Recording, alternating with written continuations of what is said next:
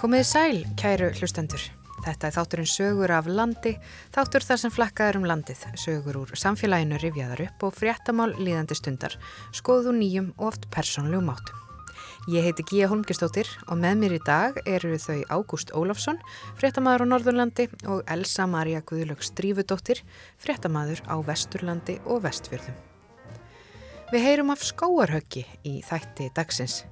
Svo erum við búin að sapna hérna bara landsliði skóarhaugsmanna á svæðu. Þeir eru að byrja bara núna hérna eftir hálftíma að höggva risa tre sem fara undir stík. Fræðum slíka um svæðisgarðin Snæfellsnes. Snæfellingar stopnuðu svæðisgarðin 2014 og e, mér finnst við svona virkilega að vera út núna. En við byrjum á Suðurlandinu. Ég stött á Kvolsvelli akkurat núna. Þetta er bjartur og fallegur oktober morgun og ég er hérna við svona nokkur, já, nokkur skona þjónustu kjarna. Hér er íþróttamiðstöðun á Kvolsvelli, það er íþróttahús og sundlaug og tækjasalur þar inni. Ég horfi hérna yfir á fótboltavöllin, stendur velkomin á völlin. Þetta er það mert SS, SS fremst fyrir bræðið. Hér er líka hérasbókasafn Rángaenga. Það stendur í ingangnum stopna 1956 og hérna er líka leikskóli í grendinni og ég sé hérna Eh, plampast um leikskóla börn í guðlum vestum með kennurornum sínum. En uh, hérna líka við hliðin á hérastbókasafninu bygging sem að hýsir já ímislegt og meðal annars uh, tónlistaskóla Rángaenga þetta er stofnun sem að ja, sinnir stóru svæði. Hér eru margi tónlistakennarar sem að kenna víða um sveitina og ég ætla að fara að hitta skólastjóra tónlistaskóla Rángaenga og spjalla aðeins um starfsemina sem að hér fyrir fram. Við erum velkomin stendur vinslast farið ekki inn á útiskóm.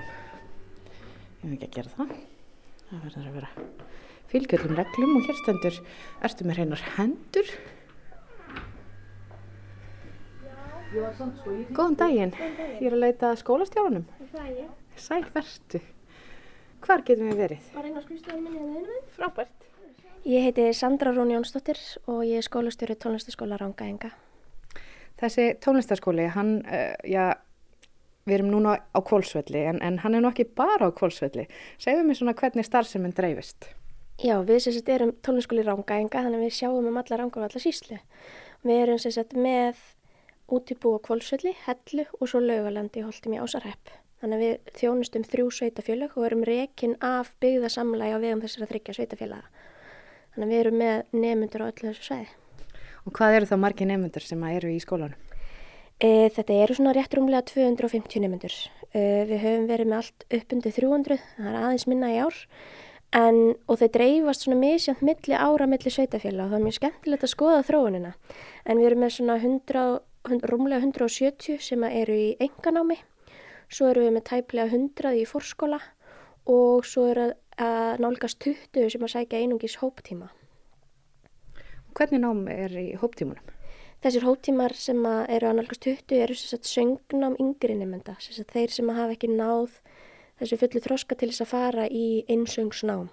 En svo er fórskólinn það er svona sem við kennum inn í grunnskólanum, en svo enganámi þá kennum við á öll hljóðfæri í rauninni eins og við getum. Við kennum aðalega piano, gítar, söng, kennum á fylgu, selló, og þörflutu, trompet, saxofón, klarinett og reynum að kenna á eila hljófarið sem við getum.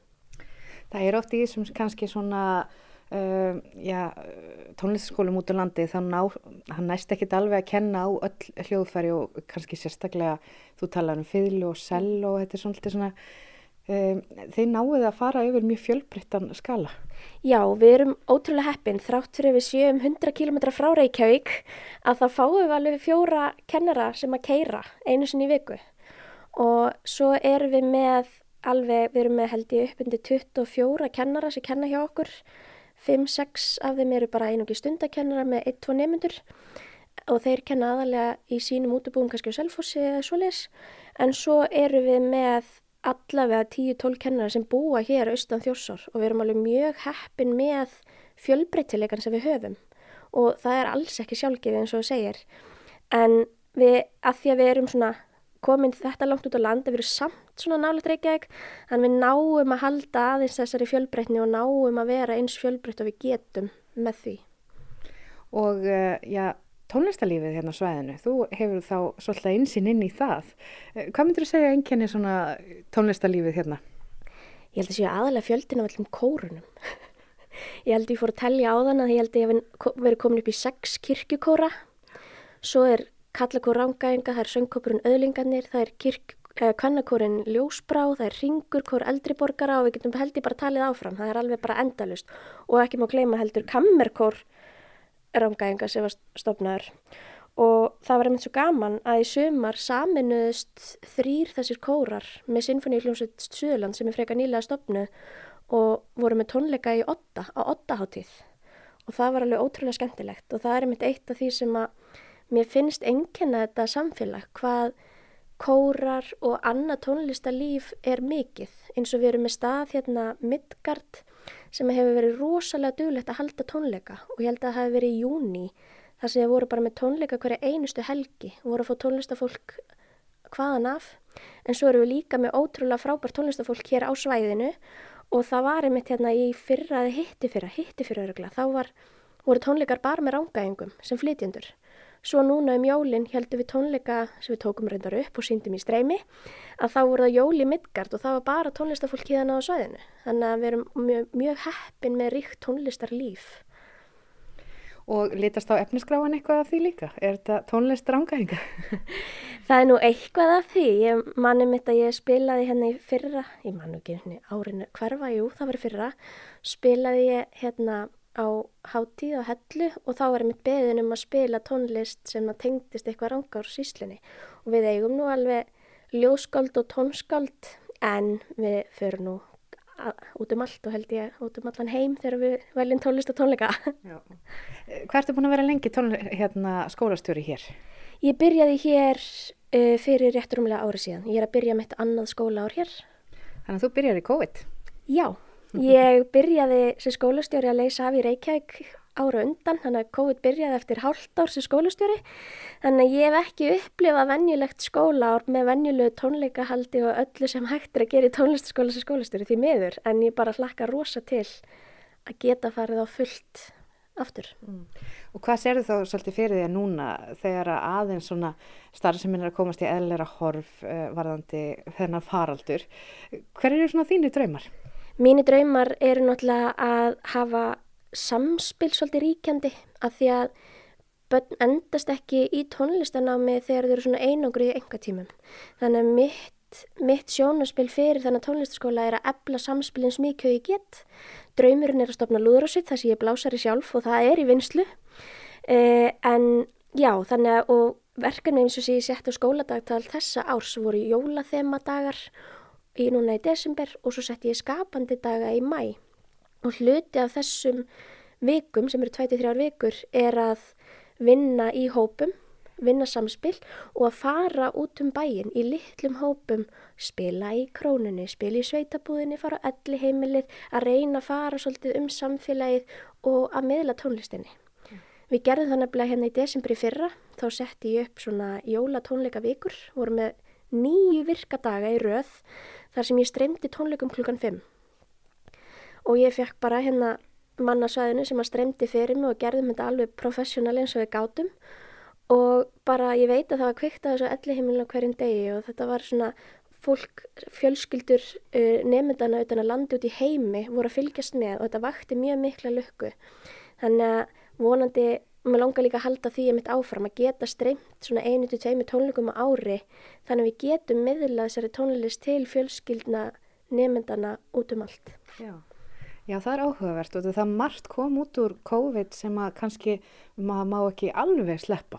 Nei, við lærðum alveg ótrúlega margt á þessu og eitt af því er til dæmis þegar við þurftum að fara í fjarkenslu í fyrstu bylgi COVID að þótt að það sé alls ekki kennslu aðferð sem er komið til að vera mm. en þá getur hún komið upp ef að til dæmis kennari þarf að fara einhvert en veist, hefur tök á því að kenni fjarkenslu eða ef að ófærð við búum hérna að vera með sveit, hérna, kennara og nefnendur sem búum til eigafjöllum að ef að þau eru bara först út á óveri að þá er kannski möguleik að grípa til fjarkenslu formsins mm. í enga kennslinni það er ekki vænt í hópakenslu en þá lærum við alveg af því og það er algjörlega eitthvað sem við getum notað í framtíðinni þótt að það sé kannski ekki beinleginist til komið til að vera. En eins og þetta með streymistónleikana var algjör bara snild viðbútt við starfið okkar og það einmitt að ömur og afar sem búa annar staðar á landinu eða út í útlöndum eða eitthvað gáttu séð.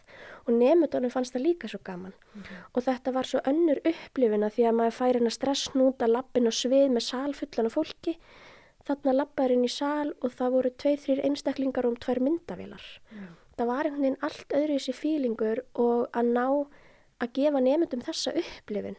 Af því þetta er svo stór hluti af tónlistar heiminum í dag þannig að þeir sem fara áfram í tónlist þá er þetta rosalega stór hluti að spila fyrir mikrofóna.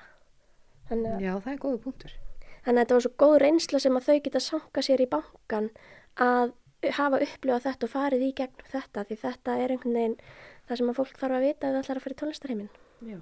Svo þetta stendur þetta líka eftir, upptakanir til, það er þetta að horfa á þetta, það er þetta, þannig að nefnandi getur séð sjálfan sig og, mm. og, og, og eftir tíu ár getur hann séð sjálfan sig eins og hann var eh, hérna, sem ungur tónlistanemandi, mm. þannig að það er margt í þessu. Algjörlega og sem emitt ég er búin að vera í tónlist núna í 20, rúm 20 ár í tónlistaskóla og ég er ennþá mjög erfitt með að hlusta sjálf á mig að það bara að horfa sjálf með að sviða að spila er bara eitthvað sem er svo erfitt og það er eitthvað sem að mér langar að við einmitt tökum inn. Og að nefndur geta þá húst, skoðað, já ok, þetta var ekki svona þótt að mér fannst þetta ríkalega slemt á meðan flutninginu stóð en þá er þetta ótrúlega flott. Og við buðum einmitt nefndum líka upp á að koma í upptökur. Þannig að það voru ekki vídeo heldur bara hljóðnimi og þau gottu tekið þau upp þanga til þau voru ánægð og svo var það unnið og þau fengu afraksturinn bara á mp3 formi. Þannig að þau gáttu farið og tekið upp eitthvað verk eða lag sem þau voru búin að vera að æfa vel og það voru einmitt held í nokkri sem gáti jólagjöf og þú veist bara svona skemmtilegt og þetta er einmitt held í líka komið til að vera fyrir nefnendur til þess að einmitt sjá afraksturinn sinn öðruvísi heldur en í eironum þegar það er að flytja á sviði. Já, sem getur verið ansið sko hrikaleg reynsla, ég þekki það nú sjálf sem uh, já, úr tó mínu tónlistanámi. Mm. en, en þú talar um að þú ert búin að vera lengi í tónlist og þú talar um að vera blásari. Uh, dreymir um að stopna hérna lúðrasveit eins og alla, alla blásara gerir. Um, á, hvað, hvaða hljóðfæri spila þú? Ég spila á þörflutu og trompet. Þetta er einni treflöstur og málblöstur sem er kannski ekki alveg algengt að spila á bæði en þannig ég er með svona einsinn inn í báða heimanna og er búin að spila í lúðrasveit síðan að ég var bara í þriðabekk held ég, fjörðabekk, þá byrjaði ég í lúðrasveit og spila ennþá í lúðrasveit. Og þetta er bara svo indislegu félagskapur og svo gaman. Og þannig að þetta er eitthvað svona sem að, og ég veit að það var svo sterk hefði hérna fyrir lúðrasveit. Og það hefur verið einmitt lúðrasveit sem að, eða svona lúðrasveit að við getum kallað það, 6-7 einstakleika sem hafa komið saman og spila skrúkungur á 17. júni og það var einmitt, ég náði að sanka saman hóp til að spila núna síðast og hérna á 17. júni bæði á Hellu og Kolsvöldi og þá fekk ég um þetta að heyra að það hefur líklega aldrei verið lúðrasveit í skrúgungu á Hellu á 17. júni og þau voru með þetta bara komið til að vera. Og ég segi bara algjörlega næsta ári verðum við með starri hóp, það er bókamál. Þannig að þetta er eitthvað sem að ég setti fyrir mig þegar ég var áðninga og ég er mitt spurður reglulega á stjórninni hvernig gengur. Það er bara því ég ætla að byggja upp meiri að blásara deilt hér, það er mjög sterk strengi deilt, píón og gítar, söngur. Þannig að mér langar að styrkja blásara deiltin eins og ég get. Já. Uh, hvort velur þá trompeti eða, eða þverflutuna þegar það verður að spila í lúðrasveitinni? Það er rosalega misjönd. Sko síðast eins og hérna á 7. júni þá endaði ég að spila baritónhátt að því ég var með svo marga trompetleikara og ég var með þverflutuleikara en mér vantaði botnin. Þannig að þá bara skipti ég og þegar ég fer um þetta lúðrastræðinga til Reykjavíkur núna þá er það yfirleitt bara hvor vantar meira á æfinguna. Flautan hefur fyrir valin undarfærið, ég byrjaði þó trompet og ég fæ alveg að heyra það frá trompetleikarinu þegar ég vel flautun á æfingum alveg hvað ég sé að hugsa. Já. þannig að það er bara svolítið mismunandi. Ég, mér finnst ég vera jafnvík á bæði, mér finnst ég eila komin á sama stað á bæði hljóðfari það var náttúrulega þegar ég var í að klára hvað, sjötta, sjönda bekk og ætlaði að hætta á flautuna, mamma sagði bara nei. Það veri hluti að minni skólagöngu og skólaskildu að veri tónlistanámi og þá bætti ég við með trompet og því að að fyrst ég fekk ekki að hætta þá fór ég bara tvö hljófari Langaði í eitthvað nýja áskorun. Já. Hvar varst þú sjálf í tónlistaskóla? Ég var í tónlistaskólanum í Sandgerði en sótti í rauninni alla mína hópatíma. Ég spilaði Lúðrásveit Léttsveit og Björlikóri í tónlistaskólanum Reykjanesbæ. Og svo klára ég meðprófið mitt á flautuna og fer inn í listaháskólan og var þar í skapandi tónlistamöðlun og klárað þar mitt nám og var áfram með bæði hljóðfærin svona á hliðinni þar. Þannig að þú hefur þessa svona, já kannski nöðsilegu reynslu að hafa sjálfverið nefandi í tónlistaskóla út á landi og það er ekkert, um, það er ekkert eins og að vera í stóru tónlistaskólum á höfuborgarsvæðinu. Alls ekki og það er einmitt ég er að taka alls konar hluti með mér úr tónlistaskólunum bæði í Sandgerði og Reykjanesbæ að ég tek alveg hluti með mér þar þaðan hingað eins og húst bara með það sem ég er að hugsa fyrir desembervikuna mínar og það að fara inn á leikskóla inn á allir heimili og flytja tónlist fyrir þau. En það er líka samt sko að tónlistskólinn hér er mun stærri en svo sem ég var í aðalega. Þannig að það er aðeins öðruvísi upplifun. Mm -hmm. Hvað er það næsta sem er framöndan hjá okkur hérna í tónlistaskólanum? Næsta er nú bara að fara að undibúa nefnendur sem ætla að taka áfungapróf. Við reynum að stefna áfungapróf bæði á haustun og vorun og svo er það bara að fara jólatólingarnir. Við vorum um að tala um í morgun hvað það stittist óðfluga í aðvenduna og það eru alls konar tónleikar vonandi sem við náum að halda og það er bara að undirbúa nefnendur fyrir að koma fram á tónleikum og jáfnveil samspils tónleikar og annað. Það er alltaf að færist í aukuna svona að uh, krakkar vilji uh, já, eins og þú vera í, á mörg hljóðfæri eða, eða já, kannski fara inn í raf, tónlist eða meira semja og hitt og þetta. Uh, eru þið eitthvað að fara ykkur í þessar áttir? Við erum með nefnendur sem að eru að læra á nokkur hljóðfæri og það er aldrei algengt að nefnendur eru á fleiri neitt hljóðfæri. Uh, svo erum við með í rithmísku deildin okkar, þá eru, kennum við á uh, gítar, bassa, trommur og söng mm. og þar eru nefndur svolítið að semja, sérstaklega söngnemndunir og við höfum ekki enn bóðið upp á raf en ég er búin að í þessu samræður einmitt við eitt kennaran í rithmísku deildin að það væri kannski eitthvað sem við þurftum að fara að skoða mm. af því það er það sem að tónlistar heimur snýst rosalega mikið um í dag er þessi tölvuvinnsla og að semja á tölfur sem er mjög algengt. Þannig ég hugsa að það sé alveg á dasgrana næstu árum að fara að innlega. Mm -hmm. Það er margt framöndan hérna í tónlistaskóla Rangaðanga, ég heyri það og, og já, margar hugmyndir að gerjast og, og, og ég vona bara innilega að, hérna, að rafnámið og lúðrasveitin komist á kortið. Gangi ykkur vel Sandra og já, bara gleðilega aðvendu þegar að því kemur. Takk hérlega fyrir.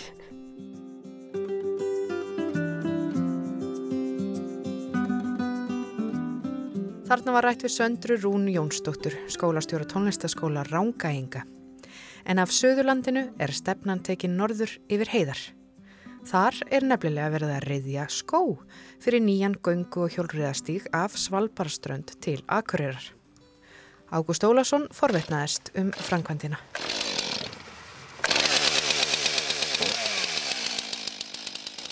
Ég heiti Ingólfur Jóhansson og er framkvæmdastjóri skóraftafélags Eifirninga. Ingólfur skóraftafélag Eifirninga það nær yfir e, já, hansu stórt svæði en alltaf þetta mann nú fyrst í hug kjarnaskóur. Það er kannski svona eitthvað aðal, aðal vettangur og starfsemi. Kjarnaskóur hefur náttúrulega verið svona höfuð víi skóraftafélagsins alla tíð. Það er náttúrulega voruð með gróðrastöð og okkar bækistöður og svo leiðis og eru þetta kannski þekktastur af okkar skóum en svo eru við með tíu aðra hér út um allan eigafjörð í rauninni. Tíu skóar, það er, það er hansi mikið. Það er allt og mikið fyrir lítið félag. Þannig að í rauninni myndi okkur duga kjarnaskóður einn svona ef við ætliðum að, að hérna, ef við ætliðum bara að, að vera snirta og gera, gera fínt. Mm. En hérna við erum afar stolt af, af öllum börnunum okkar. Þetta hljóman og eins og þau þurfið að hafa alveg herr manns í vinnu en einhvern veginn grunnarminn og samt að það sé ekki. Við erum alveg svona þrjú í vinnu yfir, yfir árið og, og hérna reynum bara að vera dugleg. Í, hver, í, í, svona, í hverju fælst ykkar vinna svona aðalega? Sko þetta kjarnaskóður tekur mikið af okkar vinna því að það er líka bara svo gríðarlega vinsælt út til vistarsvæði og svona við reynum að hafa hann bara tipp-topp eins og hægt er en síðan erum við svona, já, eiginlega okkar helsta skóarafurð er, er kannski útivist og, og líðhelsa og eitthvað slíkt. Þannig við reynum að halda hinn um reytónum okkar svona í því standi að þú getur notið þeirra. Þannig að við höldum við göngustígum og, og hérna erum með viðburði, sveppagöngur og ýmislegt í öllum, á öllum þessum stöðum mm. og svona, já, reynum að halda þeim aðeins inn í, inn í menningunni á hverjum stað. Hefur þið töl á því hversu margir koma í skóana ykkar á hverju ári, margir gestir? Við höfum nú ekkert sko nákvæmar tölur en, en ég hugsa að sé nú eitthvað svona hátt í hálf miljón heimsóknu se, sem að hérna ferðar í gegn. Mm. Og þeir sem að þekkja kjarnaskó að, að hann er ekkert hvorki verða betri á, á sumri eða vetri, þetta er, þetta er, hann er á öllum ástíðum. Kjarnaskóri er náttúrulega bara mannverki sem að væri algjör synd ef að væri set, í snjólögum hérna fyrir norðan, mm. þá í rauninni bara snjóring gerir það verkum að þetta væri ónýtanlegt mannverki í 6-7 mánuða ári mm. en við til dæmis tróðum þar brautir bæði fyrir skíðafólk og göngufólk og svo er bara svo mikið af set, skóarskjólið er svo dýrmætt á vittum þeir eru ekki hundi út sigandi þú veist annar staðar á svæðinu þá getur alltaf komið þar bara í nánast gott veður mm. og uh, þannig er mikil, mikil umfell fólks og, og fólk er að ganga á, á sumurinn og, og e, þannig eru leiktæki, þannig getur maður komið og grillað og, og verið í allskyns leikjum og eins og segja séðan gunguskýðin og veturna. Þetta er e, vantarlega með fjölbreyttari útífistasvæðum landsins. Ég myndi segja það, bæði frá, það er náttúrulega búið að vinna þarna mjög lengi að útífistamálum. Mm. Það var byrjað bara strax um 1970 að huga þessu sem útífistasvæði fyrir akkurringa. Mm. Þannig að það eru þetta rík hefð bæði hjá heimamönnum og starfsmönnum að hérna, nýta svæðið. Uh, setni ár hefur, hérna, hefur náttúrulega ferðamönnum fjölgað gríðarlega á svæðinu þannig að þetta er orðið svona aðdráttarafl bara á mótsvið bara líðarfjall eða eitthvað slíkt sérstaklega á, á vetrum upp á kannski skýði, á sumrin gríðarlega mikið af fjölskyldufólki sem að nýtir, nýtir svæðið. Þannig að en síðan er þetta líka kannski einstakt kannski, þetta er svo nálagt, það er svo stutt, þú getur eiginlega röll út úr dýrum á akkurýri eða hjóla eða skýðað mm. og bara ert komin í skóin áður um veist af, þú getur fengið erfiðleikastig, þú, þú getur prílað upp á súlumýrar og ert komin þanga bara á hálf tíma en síðan líka út fótafún þá getur bara fundið þér létta leið fyrir þig þannig að hann hefur í rauninni svo margt. En svo þið eru að, að kljástu ímislegt, það eru, við vorum að tala saman í, í, í vor, þá hafði skóunum farið illa, mjög illa í skó í snjóum í vettur, það snjóaði nú þungum snjóum daginn, brotnaði eitthvað að trjáum um daginn? Ekkert sem að skipti máli, það var alls ekkert svona stórt tjón eða þannig, þannig að bráðnaði snjórin úr þeim, úr þeim fljótt. Og svo eru þessi skóar náttúrulega bara, þeir, þeir eiga brotna svolítið og gera það alltaf. En við svona reynum að breyðast við og halda kannski snirtilegu og, og svo leiðis í kjölfarið þegar eitthvað svona kemur. Já, það er kannski það sem að eh, svona, gerir þennan sko öðru sem það er að þetta er ekki beint nýtjarskóur, þetta er, þetta er svona úthugistarskóur og, og, og tómstundarskóur þannig að það er kannski verkefni frekar að, að snirtan og heldur en að nýta allt þetta sem brotnar. Sko í rauninni er það þó þannig að, að hérna, þó við séum ekki með mikið starfsmannahalf þá þurfum við að nýta hverja einustu spýtu sem að fellur til ef við getum komið í verð bara hreinlega til að borga laun og annað. Mm. Þannig við nýtum allt sem að, allt sem að til fellur og hvort sem að það fyrir borð við eða eldi við eitthvað slíkt mm. en svo líka er það gott fyrir bara ringar á sinna í skójunum að, að auðvitað skilja eftir mm. en svona næst stígum reynum við líka snirta og svona hafa, hafa já við erum pínum kjöttið. En Ingólfur, eh, fólk sem er að hlusta okkur hérna skilur kannski ekkert í að það heyrir svona umferðagni og, og, og tækja hljóði kringum okkur. Það er vegna sem við erum ekki kjarnarskói, við erum hérna yfir í Vaðlaritt og hér er að hefjast gríðarlega stort verkefni sem að mun standa bara næstu vikur. Hér er bara hérna, bara ótrúlega samfélagsverkefni í uppsiklingu. Mm. Hér í Vaðlarittnum gengt akkur er e, byrjaði skórtafélag að planta skói fyrir 85 árum. Mm.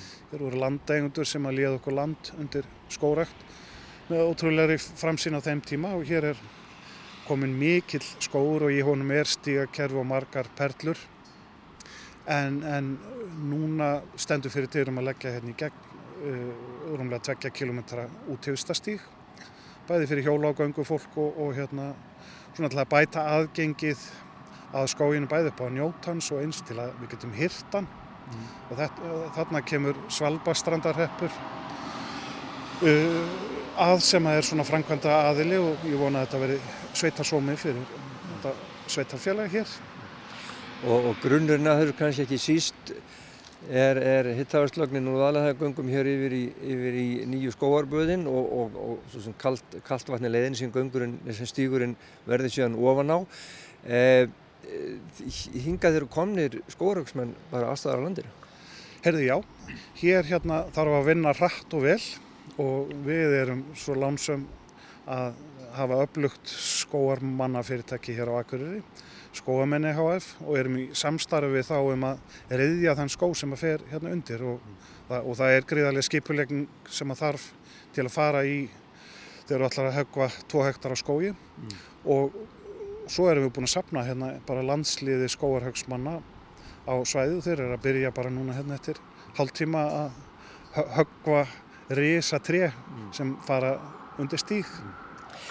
Þetta eru marga tegundir sem eru hér eins og byrjaðir að, að hérna, hér var verið að gera tilunum kannski eða, eða allavega að prófa að planta allskyns tegundum og, og muniðið fjarlæga mikið af demöndum og, og, og mörkilegum trjám?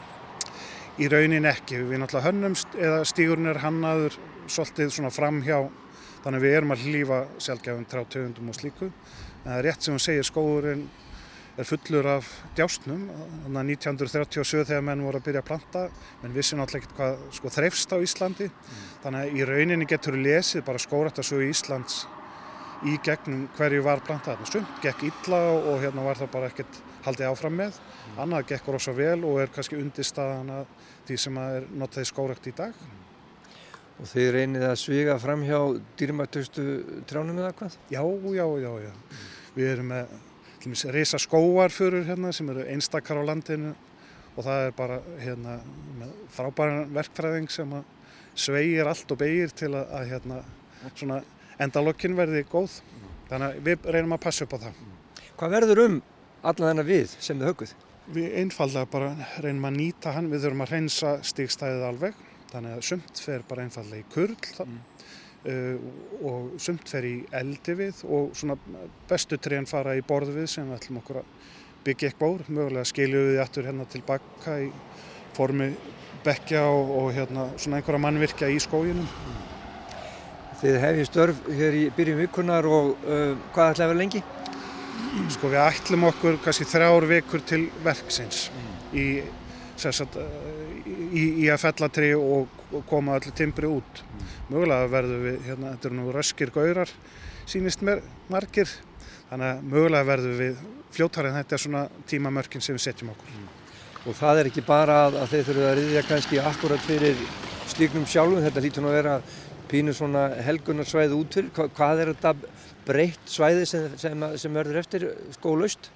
Þetta er svona á bylnu 7 til rúmi 9 metrar breytin eftir hvað landhallin er mikill. Mm og það er hérna, já, það er svona búið að rekna þetta alveg í, í hérna skriljón tölvum þannig að það á svona, já þetta á að skera sig hérna nett í gegn en síðan eru þetta, það eru fyrirhugaðir svona bæði útsýnis og, og dvalar staðir við þennan stíg, við þurfum að, við þurfum að hérna tengja þetta við eldra stígakerfið, við erum bara með einn heimamann hérna Helga í Kristnesi sem að hann er bara svona kant og, og, og stútastjóri sem að þýðir að hann passar að skóarkantarnir verði fallir og við náum góðum tengingum við það sem að fyrir er í skóinu. Batnar aðgengið eitthvað við þetta fyrir almenning fyrir eitthvað? Alveg gríðarlega, sérstaklega fyrir þá sem að eru aðeins fótafúnari að því að við fáum í raunni nánast bara hjólastóla að færa stoppstíð hérna í gegn. Og aðlarættur er í svolum bratta og, og svona það hefur verið erfitt veist, að komast sko inn í hann til að njóta fyrir þá sem að, að er, ekki, er ekki fullum færum. En já, þetta hefur sko gríðarlega áhrif upp á það, við fáum auðvelda stoppleið hérna í gegn. Og svo auðvitað er eitt af megin markmiðan meðan með líka koma gangandi og hjólandi umferð af þjóðveginu sem liggur hérna í gegnum skógin. Mm. Það náttúrulega er mikið öryggismál bara fyrir allt svæðið. Ingólur, takk fyrir spjallið og, og ég er í það að skóratafjöla heifingar kemur við að við. Herðu, við viljum viljum vera allstaðar, við erum að reyna hemmja okkur. Takk fyrir tjala fyrir.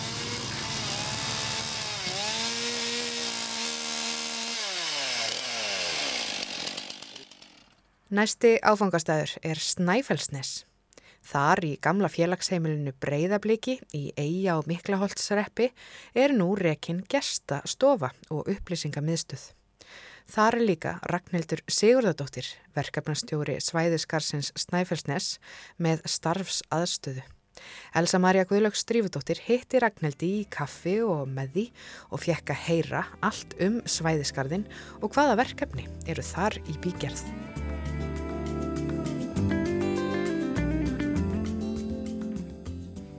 Eru veitingandi sem eru búið í dag. Frábært. Hérna kaffi og eitthvað.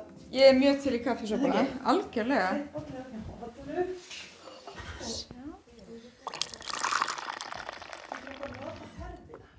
Og núna erum við komnar með kaffi í bolla og sittum hérna úti í blíðunni við Breiðarbleik og, og Ragnhildur, þú ert verkefnastjórið svæðiskarsins Snæfellsnes. Já. Og getur aðeins sagt mér frá bara hvað það er?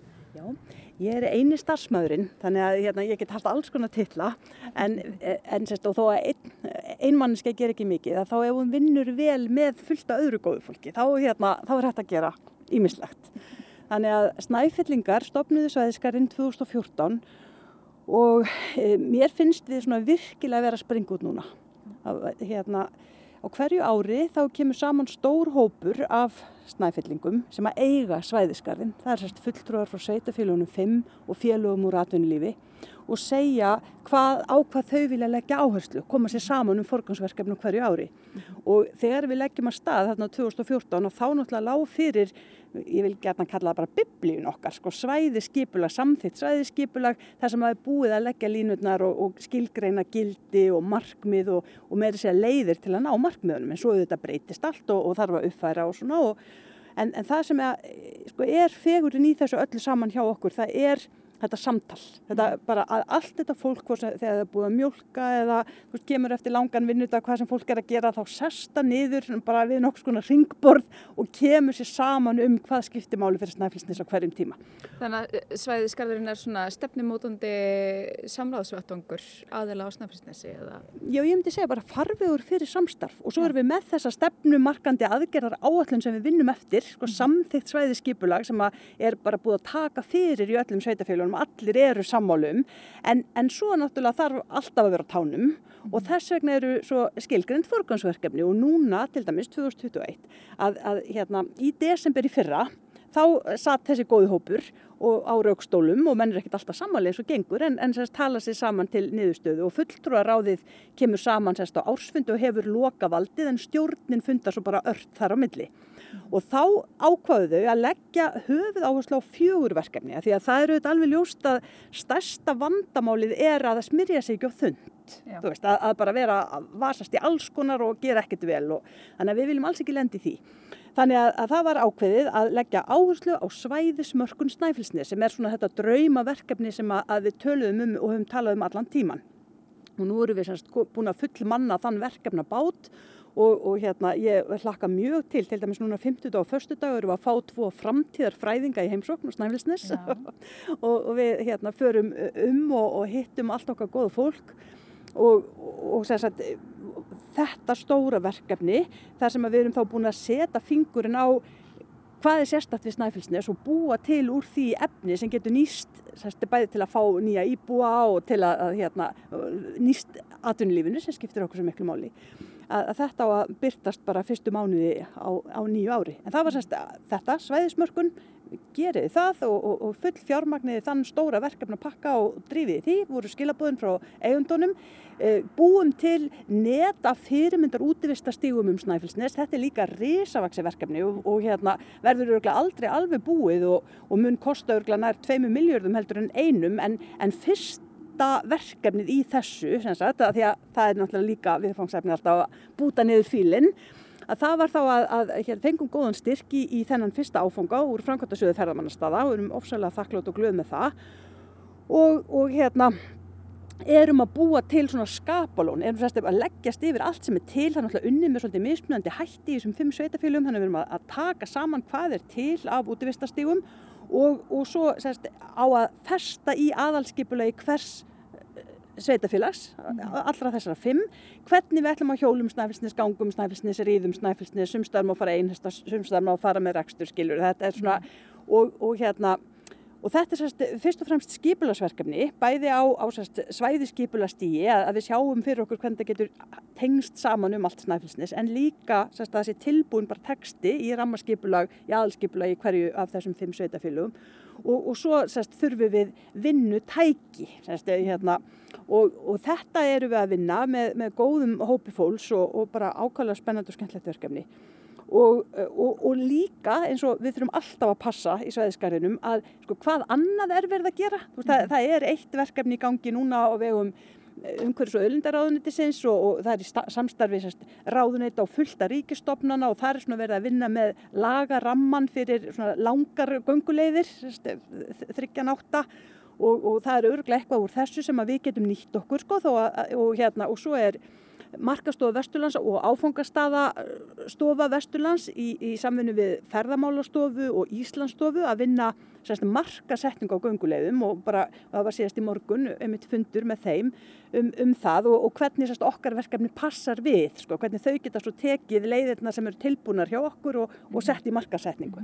En hvað, svona, þá er þið að skoða þetta að búa til svona svolítið hildrana sín hvað var það svona náttúristíga og, og þá upplöfun í því og hvað er það statt núna? Ég veit eins og í grundafyrði þá er eitthvað búið að vera að marka hvar svona leið á að vera? Já, sko það hefur náttúrulega verið unnið heilmikið gott starf í öllum fimm sveitafélagunum en mjög mismunandi. Já. Þannig að það sem við erum að gera núna, það er að horfa á snæfilsni sem heild, sem ennáttúrulega það sem svæðiskarður ná að gera mm. og, og erum sérst þar stödd í þessu verkefni núna við, það er að komast mynd á, við erum búin að fá frá öllum sveitafélagunum, frá þjóðgarðinum, frá markastofunni, allt sem er til og þetta erum við að setja sérst í, í einn grunn, þannig að þetta tala allt saman og svo núna 18. oktober erum við að fara um Snæfellsnes í stýrihópnum, það er hérna frá þessum sveitafélugum öllum og, og við erum með góðan ráðgjafa og, og, og hérna hann er ég hlakka rosa mikið til að, að þá bara springur þetta svolítið út hjá okkur. Og þetta verkefni, sko, tímalínan er fram í mars á næsta ári og hérna við bara keppumst í og reynum að standa okkur í því. En, en þetta er samt sko Já, þetta er risavaksi verkefni. Þannig að, að það er líka mjög mikilvægt og ég sem verkefnistjóri að reyna að hérna, ná vel utanum það og hvað er raunhaft að klára í þessum áfanga og svo mm. náttúrulega bara heldur vinna náfram. En, en sérstaklega svæðismörkunin, fyrirmyndur útivistastígar og svo matur og alveg frá því svæðisgarðurinn er búin til að þá hefur matur verið okkar mál og við hefum alltaf verið með ykkur matarverkefnum hverju ári. Mm -hmm. Og núna vorum við einmitt að fá bara hérna í síðustu útlutun nýja matvælarsjóðsins, þetta er annarskipti sem að þeir útluta og, og þá fekk svæðisgarðurinn í markasetningu ábyrgra matvæla á Snæfellsnesi og þannig erum við með átján flotta samstagsæðila á Snæfellsnesi sem eru að búa til mat. Og, og þetta er opbóslega spennandi verkefni og mjög skemmtilegt og, og, hérna, og alveg langþráð að komast í þetta. Þannig að ég er að vona semst að, að þessi vinna sem hefur unnin að hún svona fara að verða enn sínilegri sko, og hérna. Þannig að þetta ætlum að vinna hrætt og vel líka og og svo fjörða af þessum forgangsverkefnum í fyrra, það var sérst að, að sæðisgarðinu var falið að kanna af, af eigundum sínum að skoða það hvort að það, það væri sniðut og hvernig það gæti þá litið út ef að við myndum vilja verða UNESCO Biosfer og það er ekki einu svona til Íslandst orðiverda, við erum þarna aftur þá fyrst, sko, fyrsta mhm. Biosfer-svæðið á Íslandi. Hann Bræði Valdemar Skúlason var svo indætlað að hitta okkur og, og hana Áslögu Dóru sem vinur fyrir mentamálaráðuniti því að uh, þetta er náttúrulega starra en bara Snæfellsnes, það komur örgulega fleiri svæðu eftir og nú þegar vitum við það, það er áhugið við það og, og hérna það komin þessi hugmynd um að, að íslenska orði geti verið vistvangur, UNESCO vistvangur og, og sérst nú liggur fyrir bara flott skýrsla hérna vil ég meina, stýrihópurinn skilaði uh, bara heilmiklu efni af sér, við gerum það núna í í, í byrjun ágúst var þetta tilbúið. Og sendt á alla hérna heima og nú er búið að kynna þetta verkefni vel í, í öllum bæjarstjórnunum og, og hrefsnendunum og við erum að fara að stað með kynningu til Íbúa og svo taka sveitafélugin fimm þetta formlega fyrir hjá sér. Að því að nú sagt, valdið er hjá þeim, skiplusvaldið er hjá þeim. Mm. og, og, og þetta er sagt, það landsvæði sem að sveitafélugin hafa skiplusvaldið yfir. Mm -hmm. Þannig ef þau ákveða þetta að þá hérna þá bara höldum áfram. En, en kannski ef við svona aðeins uh, vistvangur á íslensku, Man and Biosphere á ennsku hjá UNESCO, hva, hvað er þetta fyrirbæri?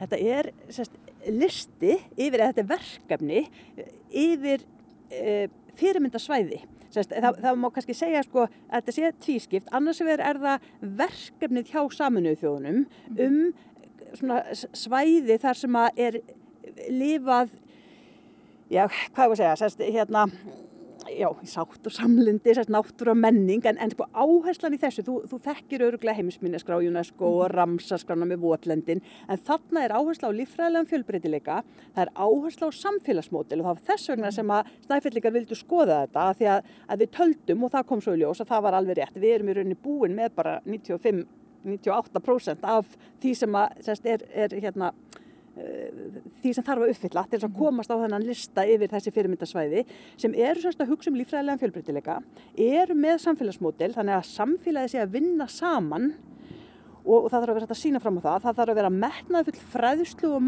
menta áallun, ekki þannig að, að viðkomandi svæði þurfa að standa sagt, í rannsóknunum sjálft en bara að, að það sé ljóst hvað er verið að rannsaka og, og að það sé samvinna við háskóla og rannsóknustofnunir og, og hérna.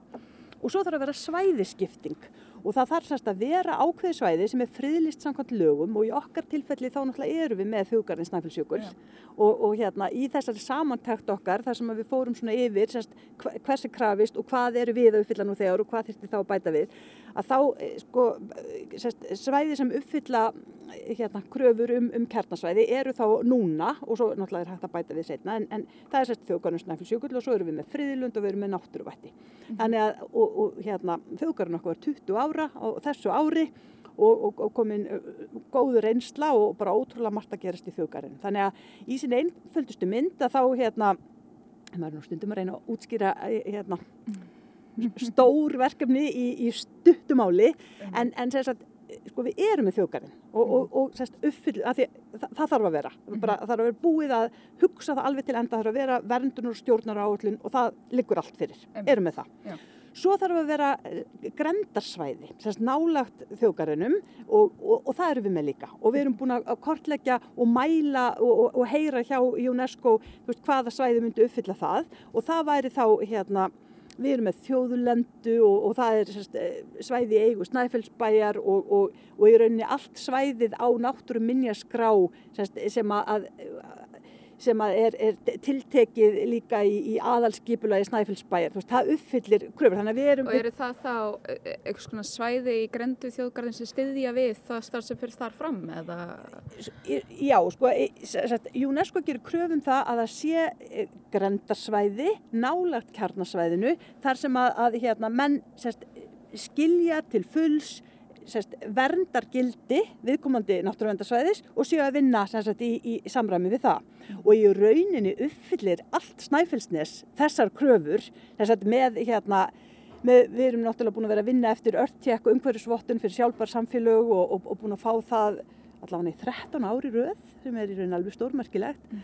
og, og umhverjusvottun og verkefni og þetta lesum það á nesvottun.is og ég hérna líka sérst, varpi ljósi á, á að því að vera að vinna við það svo gott starf og, og hérna við erum, við erum stolt af því snæfillingur, tökum þátt í því og, og en, en svo sagt, þessi þrý skipting, þessi svæðaskipting og, og svo er það sagt, bara aðtapna svæði sko, og hérna en allt snæfilsnes yrði bæjusferð, fengi þessa vottun og uppfyllir þar með og ég held að sé ekkert margir sem eru þá að velta fyrir sér veist, nákvæmlega er, er ég núna á Adams og er ég núna á en það sem það segir það er já, ég er komin á Snæfellsnes, hér er ég komin á svæði þar sem að fólk og atvinnulíf er meðvitað um þessi gildi mm -hmm. þess, og, og hérna lofslagsbreytingar lífræðilegan fjölbreytileika sjálf bara þróun það sem er búið að taka frá ákveði svæði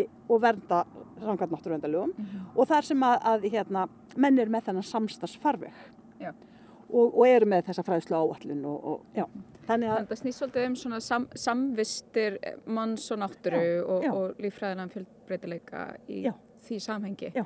Einmitt og, og, og það er núna bara komið á borð sveitarfélagana að ákveða já, vi, vi, hvort að því verði. Já, við, hérna, nú er sérst búið að, eins og allir ábyrgir sveitastjórnamenn, þá voru menn með bara alveg langa runu og spurningum og nú er búið að svara þeim, sagt, og, og þá hafa menn forsendur til að, að taka þessa ákverðin og, og hérna, þannig að þetta verkefni er sagt, komið þangað að við erum búin að gera það sem við getum í bylli og, og nú setjum við boltan aftur yfir það sem að valdi liggur og svo ef að hérna, koma skilaböðum að halda þessu áfram þá, þá er það sérst í september ár hvert sem að opnast fyrir umsóknir mm -hmm.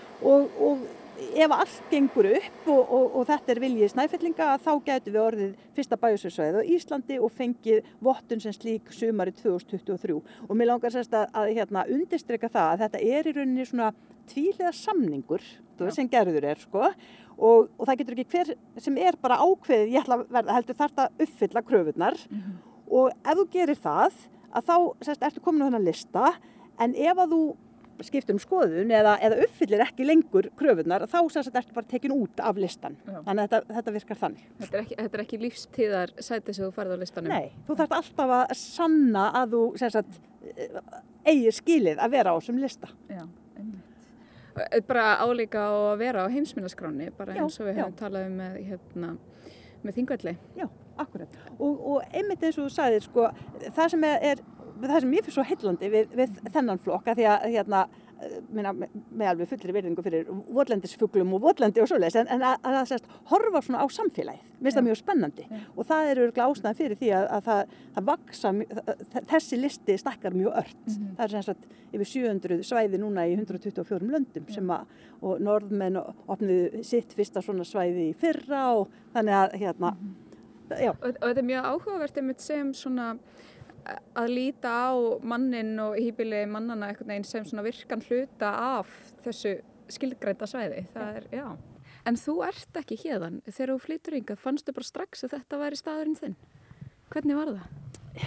Já, sko ég, hérna, ég er á Suðurlandi alveg upp í Ölfusi og, og mamma og pappi búa þar en þau reykjakot og ég segi stundum það er eh, þarna fyrir ofan hveragerði kunnug. Og mikil jarðhitti og, og hérna allt grær og mamma ræktar úti sko, allan ásinsring og, og það, þetta er mjög fallið sveit og, og hérna bara gott aðlast upp þarna að vera í gekki grunnskóli hveragerði og fjölbut og selfossi og bara fínt að vera Suðlandi en ég kom alltaf hérna vestur og ég á hérna tvær móðusistur og eina ömmusistur en sérst ekkit ættuð af Snæfellsnesi en, en var hér mörg sumur og og það er eitthvað sem er alveg sérstatt við Snæfellsnes, það er bara þannig og ég vil meina það að ef að þú, ef þú getur svona náða að skjóta rótum hérna, það, það getur það ekkert allir, mm. veist, en, en hérna, en ef þú getur það, að þá bara getur ekki farið sko, veist, það, það verður svo leiðis. Mm. Náttúran er miklu hrikalegri hér heldur en í minni bernsku sveit og, og, og það verður óbúslega kvast hérna stundum og, og þess vegna á degi eins og núna og ég er svo þakkláttir fyrir að hafa tekið vel í að sitja hérna úti bara, veist, þetta er svo æðislegt. En, en sko já, e, svo finnst mér líka vera mjög mikið lífshamingja fólkin í því.